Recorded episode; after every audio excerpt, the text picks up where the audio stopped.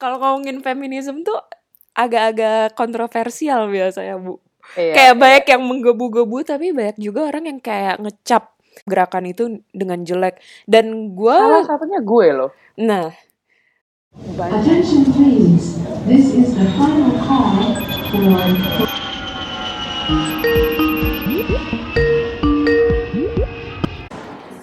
Hai bu Halo Nek. Ya, selamat malam waktu Jakarta. selamat sore waktu Munchen Kita kembali lagi di LDR Long Yeay. Distance Rumpi bersama Yohan dan Debbie. coba bu Uh, eh, prioritas utama first things first? Selamat ulang tahun Yohana. Oh my God, thank you. Gue kira apaan ya? Jadi kira Yon, tiba-tiba tengah-tengah tuh ada bakal editan apa gitu tiba-tiba kayak kayak ah, anjrit. Thank you, thank you, thank you. Ibu Yon ini minggu lalu habis ulang tahun ke sekian. Terus Sekian. asal ini ya kalau ada orang yang belum kenal sama Yohan, ulang tahun buat dia itu lebih penting daripada semua kejadian lainnya di tahun itu. Itu hari raya besar, kalau bisa hari libur nasional malah. Betul, internasional. Internasional malah. Ya betul. Jadi kalau gue udah selesai ulang tahun di tahun sebelumnya, jadi tanggal besoknya tuh gue kayak lagi mikir-mikir brainstorming buat yang setelahnya kayak gue tahun depan ngapain ya? Kan yang tahun ini udah kayak gini.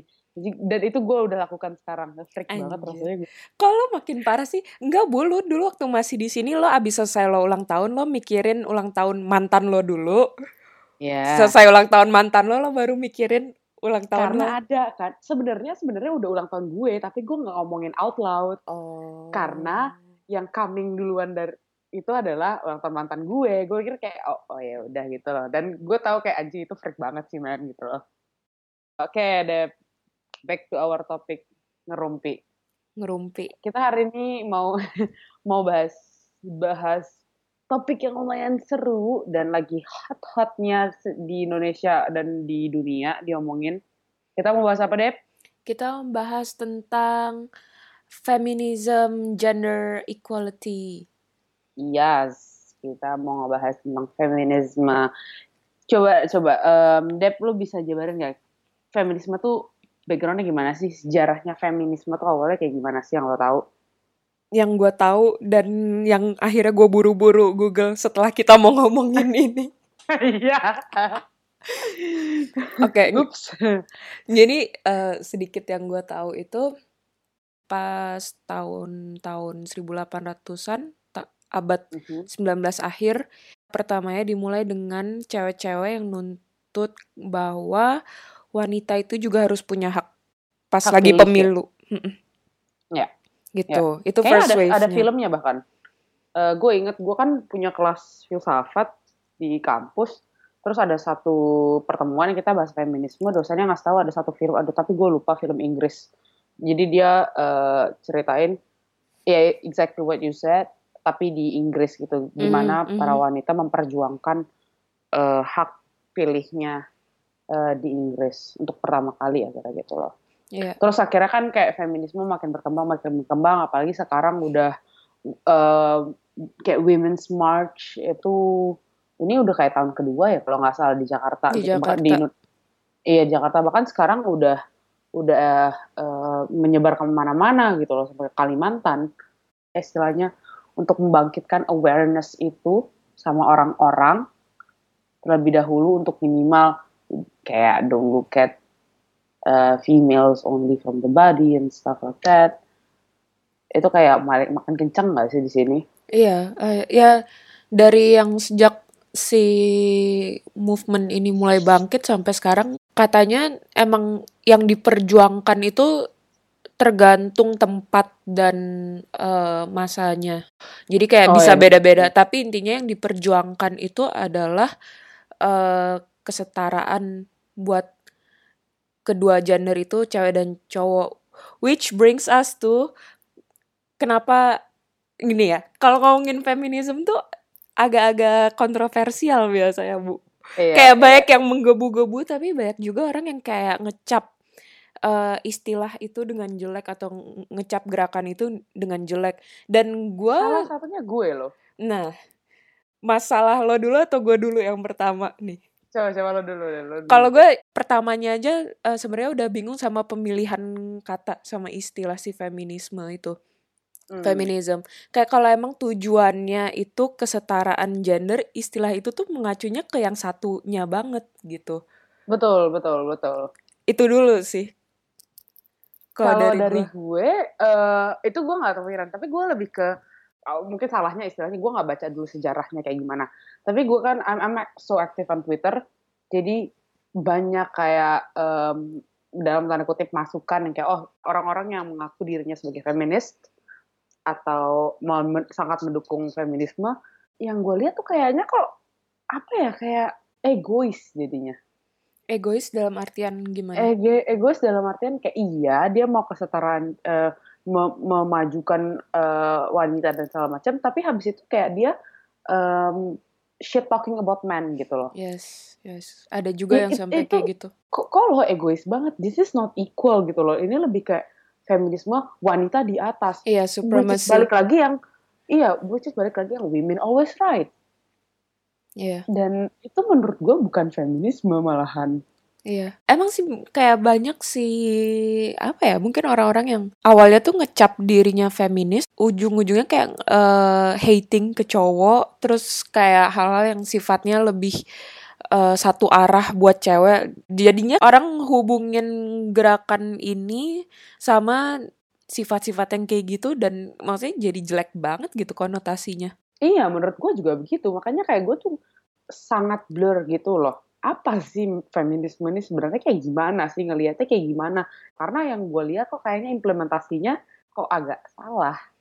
Oke. Iya, let's say bukan salah sih kayak kurang tepat gitu loh. Mm-mm. Tapi Gitu. Bu, kalau terlepas nih, terlepas dari si eh, judul itu feminism sejarahnya dan kayak perkembangannya sekarang sampai dicapnya kayak gimana, opini lo towards eh, masalah gender, equality, Mhm. inequality, kayak pendapat lo tentang itu generally gimana? Balik lagi ke akarnya deh, maksudnya kayak terlepas Mhm, dari mhm. si aktivis-aktivis femi- feminisme itu dan movementnya. Gue percaya akan gender equality. Meaning semua orang, no matter what, uh, which gender he or she has, um, itu dapat chance yang sama dalam hal apa pun. Hmm. maksudnya as in pekerjaan eh, apalagi kayak pekerjaan gitu kayak cewek bisa jadi pemadam kebakaran cewek bisa jadi eh, tukang cat atau tukang kayu yang gitu cowok bisa jadi sekretaris dan kayak semua orang bisa ngelakuin hal, hal apa aja juga as in cowok bisa nangis cewek bisa em, ngebenerin TV those things deh yang yang lebih kecil dulu deh oke yang tadi ke pekerjaan ya of course gitu. Tapi kayak hal-hal stereotypical yang cowok tuh nggak boleh gini gini gini cewek tuh nggak boleh gini gini cewek tuh nggak usah kerja cewek tuh urusin rumah eh, laki anak sama rumah aja gitu. Kayak itu sih yang gue kayak kurang setuju. Gue juga apa ya sebenarnya gerakan buat eh, memperjuangkan hak-hak dasar cewek menurut gue itu masih perlu kalau gue sih mikirnya kita lumayan privilege dan mungkin di negara-negara maju orang nggak bakal seberapa aware tapi at least di negara berkembang dan masih banyak kayak cewek-cewek di dunia yang dia buat hak dasar yang sedasar kayak pendidikan atau kayak hak Hmm. untuk hidup pun itu kayak masih terbengkalai karena gendernya dia cewek gitu. Kalau misalnya denger kayak di Cina aturan kan anak satu. Terus habis itu mereka Iya. orang Cina tuh super pengen sebenarnya anaknya cowok. anak cowok Terus habis itu kalau misalnya anaknya cewek sering dibuang. Maksudnya kadang-kadang lo mikir fakta bahwa dia cewek terus itu ngalangin dia buat ngapa-ngapain. Kadang-kadang itu rasanya jauh tapi nggak Ya. juga kayak temen gue sendiri. Dia bisa dibilang kalangan menengah atas di Jakarta tapi dia pun dibilangin sama keluarganya semacam gak usah sekolah tinggi-tinggi dan gak usah repot-repot sekolah karena dia cewek dan kayak ujung-ujungnya dia bakal nikah dan paling ngurusin rumah tangga, suami, anak dan eh kalau mau bisnis-bisnis yang kecil dan gampang aja gitu. lo pernah nggak dibilangin kayak gitu gue nggak pernah sama keluarga gue ya. Keluarga besar? Eh, untungnya nggak. Gue pernah men soalnya. Lo juga cuy. Gue kan. Bokap gue pernah sekali gue bilang, kamu tuh jangan terlalu independen. Maksudnya You gimana have tuh? you have to remember, lo punya kodrat untuk eh, nanti kayak one day lo bakal berpasangan dan kayak mengurus suami dan segala macam segala macam gitu gitu loh. Jadi kayak if I if I'm too independent, gue bakal lupa kalau gue eh, harus berpasangan, you know. Terus gue yang Hmm. kayak eh, bingung gitu loh saat itu ngomong apa. Waktu itu kan gue masih agak blur juga kan. Di tengah-tengah 2015 gitu gue yang kayak oh, oke. Kenapa gue Hmm. nggak bisa being independent aja? bokap gue pernah address isu yang mirip tapi kalau dia ngomongnya gini eh gue harus tahu gue maunya apa kalau gue emang maunya karir gue bener-bener pengen di luar total maksimal ngapa-ngapain kayak lakuin itu tapi nggak usah mikir misalnya ngurus keluarga dan anak as in kalau misalnya gue milih nggak nikah atau nggak punya anak karena gue pengen totalitas banget banget di karir di Hmm. karir itu nggak apa-apa. Jadi kayak bokap gue me- melepaskan gue dari pressure itu. Tapi bokap gue bilang kayak kalau gue memutuskan buat nikah punya anak punya keluarga itu gue harus tanggung jawab juga. Dalam artian gue berarti nggak bisa totalitas di kal- di karir gue gitu. Maksudnya antara harus ada inilah harus ada yang disesuaikan atau harus ada yang Iya. diatur atau maksudnya kayak gue harus sadar sama fakta itu. Dan gue setuju sama itu kayak gini. Sebenarnya sebenarnya nggak semua cewek juga pengen ini kan. Lo pasti nonton si Ali Wong. Dia tuh bilang Yes. kayak dia tuh Yes, bilang anjir. ini she's like the funniest stand up comedy. Parah. uh, female stand up comedy sih menurut gue tuh relatable anjir. Nah soalnya dia tuh kan bilang kayak anjir ngapain sih cewek-cewek sekarang nih kayak so into feminism? Kayak kita tuh udah enak-enak dulu santai-santai di rumah sponsored terus kayak kerjaannya eh, nonton TV ngurusin Yes. rumah. Sekarang kita expected to have an income bla bla bla gitu kan. Maksud gue kayak Yeah, yeah, yeah, kalau kalau emang tujuan lo genuinely jadi ibu rumah tangga itu pekerjaan full time juga dan mulia Benar. juga gitu. Tapi kayak That's makanya kayak lo maunya apa? is a full time job actually. Like Iya. full time-nya bahkan bukannya kayak 9 to 5 like 24/7 man. Iya. Shit itu Ali Wong eh, eh, itu even though it's a joke tapi gue pas denger itu yang bagian kayak why you guys so into feminism I was like shocked man gue shock gitu loh Nek yang kayak anjing bener juga ya tapi gak gue nggak bakal ngelakuin kayak gitu juga sih yang kayak oh ya I'm like just gonna stay at home and sponsored be sponsored by my man gitu loh but she just got a point gitu Ta- Dan maksudnya kayak ada ada orang-orang yang pengen kayak gitu dan ya udah biarin aja gitu dia mau kayak Iya, gitu. iya, iya. Tapi menurut gue juga wanita-wanita yang memilih untuk nikah misalnya nikah muda dan ya end up being a housewife, menurut gue itu juga udah feminism in terms of dia bisa memilih jalan hidupnya sendiri. Iya. Dengan catatan di- itu itu dia fully aware sama yang dia pilih. Bukan karena dia nggak bisa ngelakuin yang lain tapi itu bener-bener pilihan dia. Iya, iya, iya, benar. Kayak kayak, kayak temen gue satu, dia kita udah tahu cita-cita dia tuh dari SMP cuma satu, housewife. Pokoknya kayak gue lulus SMA, gue kuliah, dia kuliah hukum perguruan tinggi negeri di Bandung. Lu bayangin. Kan habis itu kayak, oh ya, lulus lulus nikah, sekarang jadi housewife gitu. Mhm, mhm. Gue kadang-kadang bingung, kadang-kadang gue ketemu dia, gue nanya, penasaran gitu kan, lo nggak mau kerja apa? Lo kan hukum, gak pengen dipakai dan segala macam dan segala macam gitu kan. But then seeing her kayak the way she's talking itu menurut gue, oh enggak sih, ini gue juga appreciate. Walaupun orang-orang bilang nikah muda gitu, umur dua berapa ya gitu berarti waktu itu dua dua kalau nggak salah, Mhm. dua dua dua tiga gue lupa. Kayak everyone was shocked gitu. Eh ya nggak se-shock itu saya again karena dari SMP dreamnya dia adalah jadi housewife. Ya menurut gue that's her choice. Eh, kayak she uh, being able to decide what she wants, which is getting married, itu kayak one step ahead juga gitu. Iya. Yes. Ya kayak gitu juga sebenarnya sah-sah aja kan sesuai aja sama eh, yang diperjuangkan sama si gerakan gerakan yang ini menjunjung si kesetaraan gender itu. Tapi gue ngomongin kesetaraan gender kadang-kadang gue tuh malesnya gini bu sama cewek-cewek yang koar-koar mau dianggap setara tapi terus habis itu setara dalam artian mereka mau haknya gitu kayak Mhm. oh gue juga pengen dong didengar sama kayak cowok gue juga pengen dong punya kesempatan yang sama tapi abis itu cuman bawa tas berat dikit minta pacarnya bawain maksud gue kayak Oh Cuy, kalau misalnya banget. nih ya kalau emang kayak maksudnya cewek dan cowok tuh fisiknya beda dan emang saling melengkapi mungkin cowok bisa ngangkat yang lebih berat. maksudnya tapi kayak lu coba dulu gitu loh kalau lo nggak punya tangan atau misalnya lo udah keberatan setelah lo coba oke mungkin minta tolong orang yang lebih kuat. Mungkin cowok di situ dan It- mungkin dia bisa ngebantu.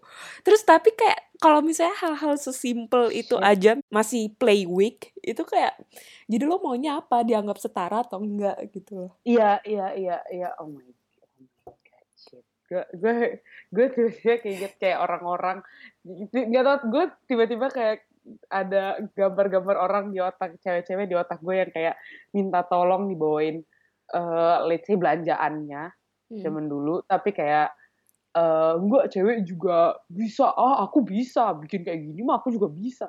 Jangan kayak jangan setengah-setengah kalau bisa bisa kalau enggak enggak gitu Iya. loh.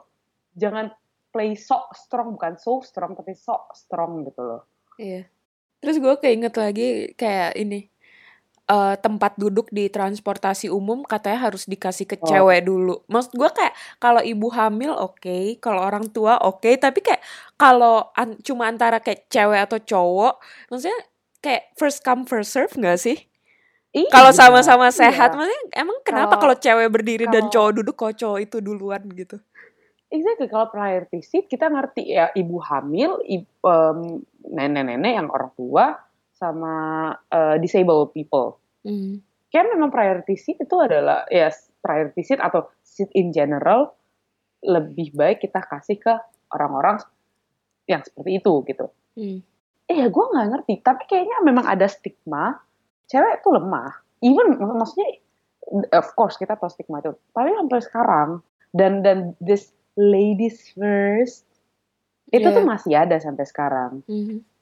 menurut gue. Jadi, Jadi, kayak makanya double kenapa standard. juga sih? iya, jadi makanya kenapa untuk public transport pun tetap yang kayak oh ya lo duduk aja gitu, gua kuat kok. Dan rasa cowok itu yang kayak gua kuat kok itu subconsciously ada. Mhm. menurut itu juga menurut gua jadi kayak bukan double standarnya dari ceweknya aja tapi dari cowoknya juga menurut gue the stigma yang terbentuk Mhm. dari turun menurun dari zaman tahu deh buyut kita apa Iya. yang kayak gitu-gitu loh menurut gue Terus Bu, kalau fenomena ini, fenomena ladies parking. oh yes itu pokoknya everything for ladies banyak di Indo sorry, di Indonesia karena gua ngerasa lagi sejak gue balik kan Emang kenapa kalau ladies parkingnya di atas? Kenapa ladies parking harus di, you know, kalau di mall kayak Iya. dia harus di, di em, apa sih lantai yang setara gitu sama pas lo masuk gitu kan? Mhm. Atau yang gue paling bingung adalah ladies bus atau ladies em, section for train. Ya gue tahu kenapa ada a ladies section or even ladies bus karena the sexual assault Iya. uh, or sexual harassment towards females itu. gitu loh. Mhm. Karena udah kejadian dan orang takut banget gitu loh. Kalau misalnya yang ini yang kayak gerbong khusus wanita gitu, misalnya di KRL, antara kayak emang sih orang-orang nggak pengen kan dilecehkan secara seksual dan Mm-mm. mungkin itu ngurangin kemungkinan itu. Tapi Iya, jadi iya. kalau misalnya dipisahin doang, tapi habis itu nggak di nggak dibarengin sama edukasinya kayak, hey pelecehan seksual itu nggak boleh sama sekali. Jadi eh, kalau misalnya ntar digabungin lagi, jadi dilecehkan lagi dong. Sebenarnya Iya. paling optimal itu eh gimana caranya supaya itu nggak ada lagi dari edukasinya gitu loh. Kayak Ya, balik- mentalnya yang ganti. balik-balik semua semua uh, kayak uh, most of our problems in this world menurut gue menurut gue pribadi ya balik lagi tuh ke education you know Tapi maksud gue kayak not, uh, solusinya itu kayak lumayan jangka info. pendek gitu loh. Kalau nggak dibarengin sama si Iya, solusi jangka iya. panjang agak sayang aja. ya sayangnya gue nggak tahu sih adakah adakah uh, pe- apa aplikasi dalam solusi uh, jangka panjang yang udah kita beberkan ini nah oh tapi satu lagi yang bagian buat transportasi yang gerbang cewek itu Eh, tapi ini gue nggak tahu sih ya kalau ada yang denger dan lebih tahu tentang ini correct me if I'm wrong. Em, jadi kayak feminisme ini me- menjunjung tinggi semua hak wanita wanita di atas bisa dan segala macam segala macam. Tapi kayak mereka kayaknya nggak ngomongin tentang ladies bus and ladies section and train. Jadi istilahnya kayak itu sah gitu loh. Which is double standard. Maksud lo, maksud lo orang-orang yang sering kayak keluar-keluar dirinya sebagai feminis itu biasanya kayak gitu. jadi iya jadi mereka mereka ngomongin segala macam yang kayak oh oh ya female harusnya tidak di um, assault oh nggak di catcalling Hmm. terus habis itu nggak digesol di jalan stop asking us uh, kapan nikah stop asking us bla bla bla bla bla pokoknya yang hal kecil-kecil kayak gitu but then orang yang kayak against feminis pasti nanya oke kalau untuk uh, kalau kita mau menjunjung tinggi feminisme di Indonesia berarti kita harus hapus juga ladies bus dan ladies eh, section Mhm. ladies section in train dong gitu terus Mhm. kayak biasanya kayak nggak ada jawaban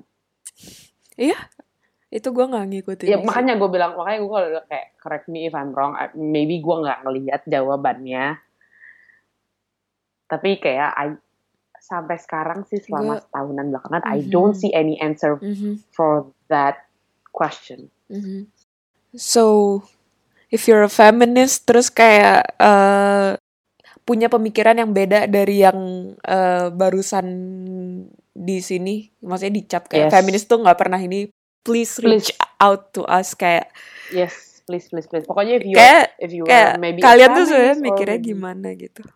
Yes if you're a feminist or lo just have an idea aja dengan teorinya feminisme yang sebenarnya seperti apa please inform us kayak you know where to find us kayak ki- kita beneran pengen tahu sih gue sama Debbie beneran pengen tahu ya Hmm. kayak em, pengen tahu opini orang-orang kira-kira kayak tentang feminisme kayak gimana sih gitu loh Yes. Yes. So, nih ya, kalau misalnya eh, kita ngomong kayak downside-nya sebagai cewek tuh panjang kan. Bu, Wah, cewek tuh kayak nggak boleh sekolah, susah, bla bla bla. Ya, ya. Suruhnya nikah gitu kan kayak cewek tuh pilih nggak dicap. Iya, dicap sama cowok kayak wah, temen gua aja ada nih, Bu. Cowok dia kalau ngelihat cewek di bidangnya dia udah langsung ngecap kayak nggak profesional bla bla bla. Ada, masih kayak gitu tuh ada. Oh my Orangnya God. jauh-jauh sekolah ke luar negeri tapi kayak Oh my Ya. god. tapi Kalau gue terlepas orangnya keluar negeri tuh ya, pengen marah gue rasanya tapi lanjut. terlepas dari kayak eh, banyak banget misalnya downside-nya sebagai cewek yang sekarang lagi banyak diperjuangin supaya nggak gitu-gitu amat sebenarnya downside-nya sebagai cowok juga ada gitu Ada banget sih sebenarnya. kayak yang tadi lo udah lo sebenarnya udah ngebahas dikit tadi Gue udah ngomong, iya. Iya. Cowok itu misalnya kayak kalau karena si stereotip yang misalnya harus kuat harus ini dia kalau misalnya terlihat emosional sedih bla bla bla sampai banyak cowok yang malu nggak berani kelihatan eh, lemah dikit gitu. Dan Ya. bahkan ada yang kayak dibilangin misalnya sama nyokapnya atau sama siapa ya kayak cowok tuh nggak boleh nangis cowok tuh nggak boleh lemah gitu.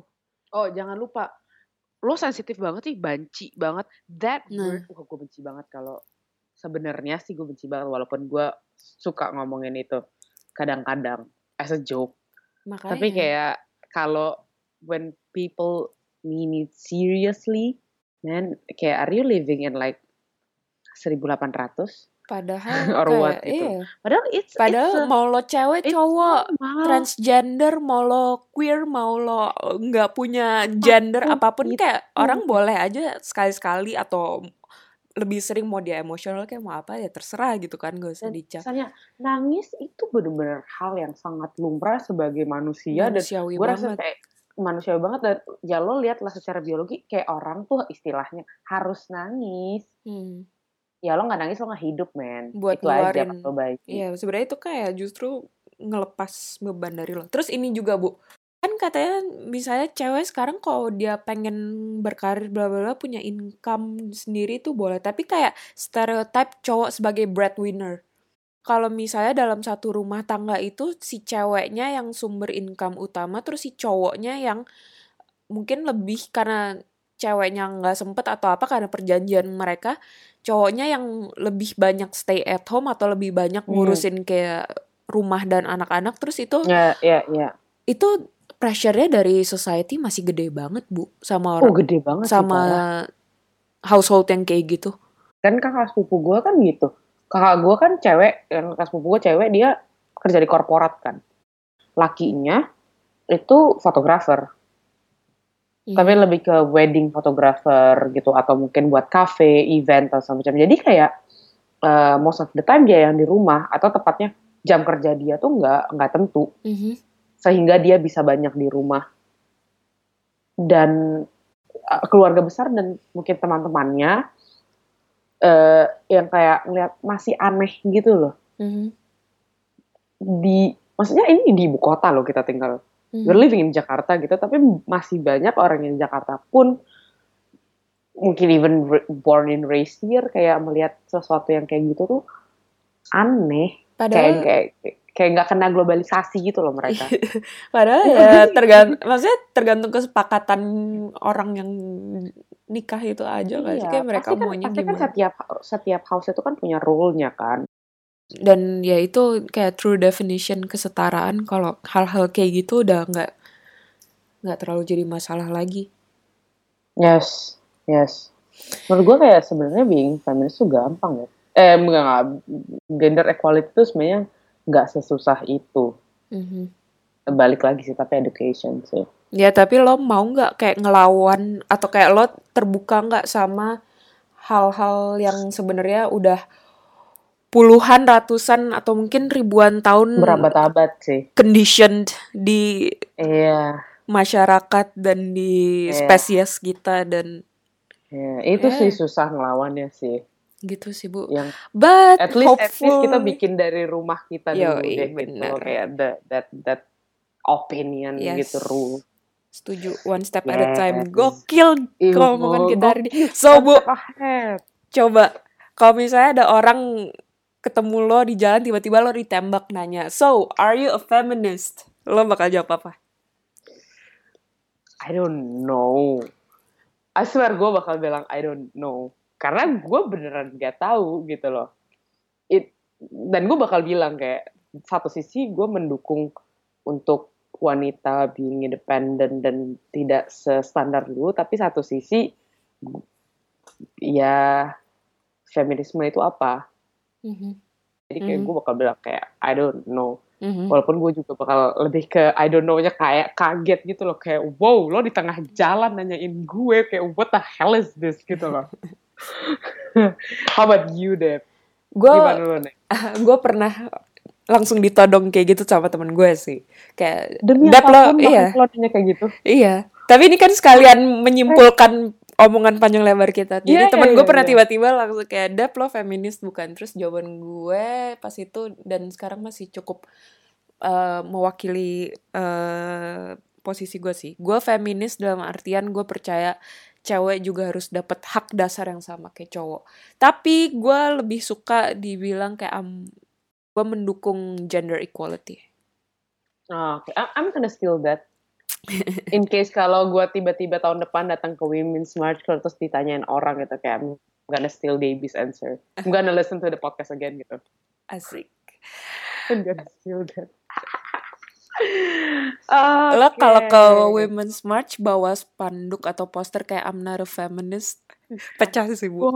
wah itu pecah sih itu orang kayak bingung gitu dan gue ges, ges gede gaban gitu kan orangnya kayak not a feminist why, are you here gitu kan kayak gender equality bitch.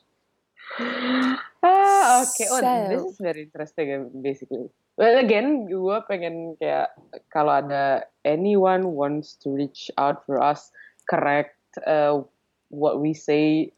Tadi kayak mungkin kita ngomong salah kayak gue sembarangan nyet gitu please Atau lo punya opini yang beda kayak cuy cewek sama cowok tuh beda jangan lo setara-setarain kayak kayak fire away. We would love to hear that. Yes. yes. Kem- kita ke sampai pada sesi terakhir kita Debbie. Jadi apa obsession lo? Jadi akhir-akhir ini? gua dulu banget nih. Iya. Dulu banget weekly obsession. Gila udah jelas banget lah weekly obsession. Gua tuh ulang tahun man ya oke lah. Gue ulang tahun tanggal 20, 22 Mei kan. Jadi terus gue tuh udah udah heboh dari sebelum sebelumnya gitu. Dan gue udah eh tapi karena 22 Mei itu tahun ini jatuh pada hari Selasa. Dan itu zaman ujian eh, kerja yang pasti. Jadi gue Mhm. pikir kayak ya udah kita em, party kecil-kecilan hari Sabtunya gitu and uh, I invited all of my very best friends and the partner terus ada keluarga gue surprise surprise ada keluarga gue kayak mungkin kayak semua bestie gue tahu Yuan never invited Mhm. her family to any of her event Tapi kali ini keluarga lo lengkap dari Palembang ngumpul Iya. di Jakarta ya. Kayak ya bokap nyokap adek gue datang om gue kakak gue yang tadi gue bilang si Mhm. lakinya fotografer itu juga datang terus kayak kita I came up to an idea for dress code challenge gitu loh Mhm, mhm. dan habis pulang itu gue bener-bener yang kayak anjing itu dress code challenge tadi keren banget sih so kayak buat yang nggak tahu kayak gue kasih challenge ke sahabat-sahabat gue mereka harus dress up like me so they have to decide uh, decide your version of very Johanna gitu loh. Iya, itu kocak-kocak banget sih bu, gue liat foto-fotonya. Dan itu ada yang kayak mirip banget sama lo zaman SMA lah, Oh, zaman iya. awal zaman lucu sih. it was a highlight highlight the I, I think that's the best one of the best um, birthdays that I've ever had yeah dan again menurut gue birthday is so important lo gimana Dep weekly obsession gue tuh kalau udah ngomongin birthday takut gak Nggak, stop ya nggak stop emang. Untung lo inget nanya gue, gue kira lo udah gak bakal nanya gue. gak mungkin lah anjir gue lagi akhir-akhir ini, eh jadi gue lagi sibuk ngurusin ini bu. Kalau misalnya tahun terakhir kedokteran di Jerman itu gue bakal full di rumah sakit kan.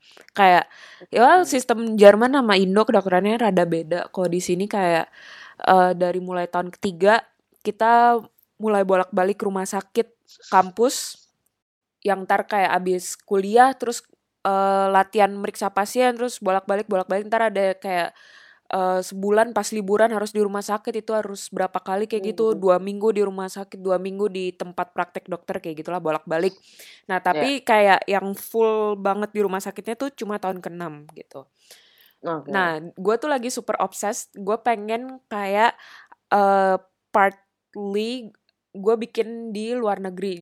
Kayak antara dua bulan atau empat bulan dan gue lagi kayak super obsessed ngeliat negara-negara Oh, mana oke. yang pengen gue Research datengin. gitu. Terus kayak oh, Oh, my god ngeliat oke. ngeliat kayak ini kayak report orang-orang yang pernah di sana. And ini gue belum cerita kalau I don't wanna jinx Oh. it, tapi gue excited banget karena hari ini kayak gue lumayan dapet respons yang positif dari Oh satu God. negara di benua yang belum pernah gue datengin dan gue excited banget sih bakal ke sana. Africa? yes Oh my god. Oh my We'll god, see, I'm we'll so see. excited. Kalau kalau teman gue ada yang ke, ke Afrika. Cause I really wanna go to Africa as well. Kayak menurut gue itu kayak Wow, I am, Semoga I'm lancar. hoping for the best. I'm hoping for the Yay. fingers fingers crossing Fingers crossed. baby guys. oke Oh my god, okay. So thank you again yang udah dengerin sampai menit-menit terakhir podcast eh, di episode ini. Kita bakal kembali ke episode berikutnya dua minggu lagi. Oh ya by the way, sorry telat kemarin nguploadnya mungkin udah ada yang nungguin beberapa mungkin ada yang nungguin ini Rabu kenapa Iya. kemudian kenapa Oh my god. Iya. Kabar Yon dan Debbie apakah mereka sehat-sehat aja? Tenang. Kita- Kemarin kita cuma di di iniin sama kehidupan dan ulang tahun dan uas. Iya. Iya, gimana ya ulang tahun itu ya menunda semua aspek-aspek kehidupan guys. Tapi kita bakal muncul lagi hari Rabu.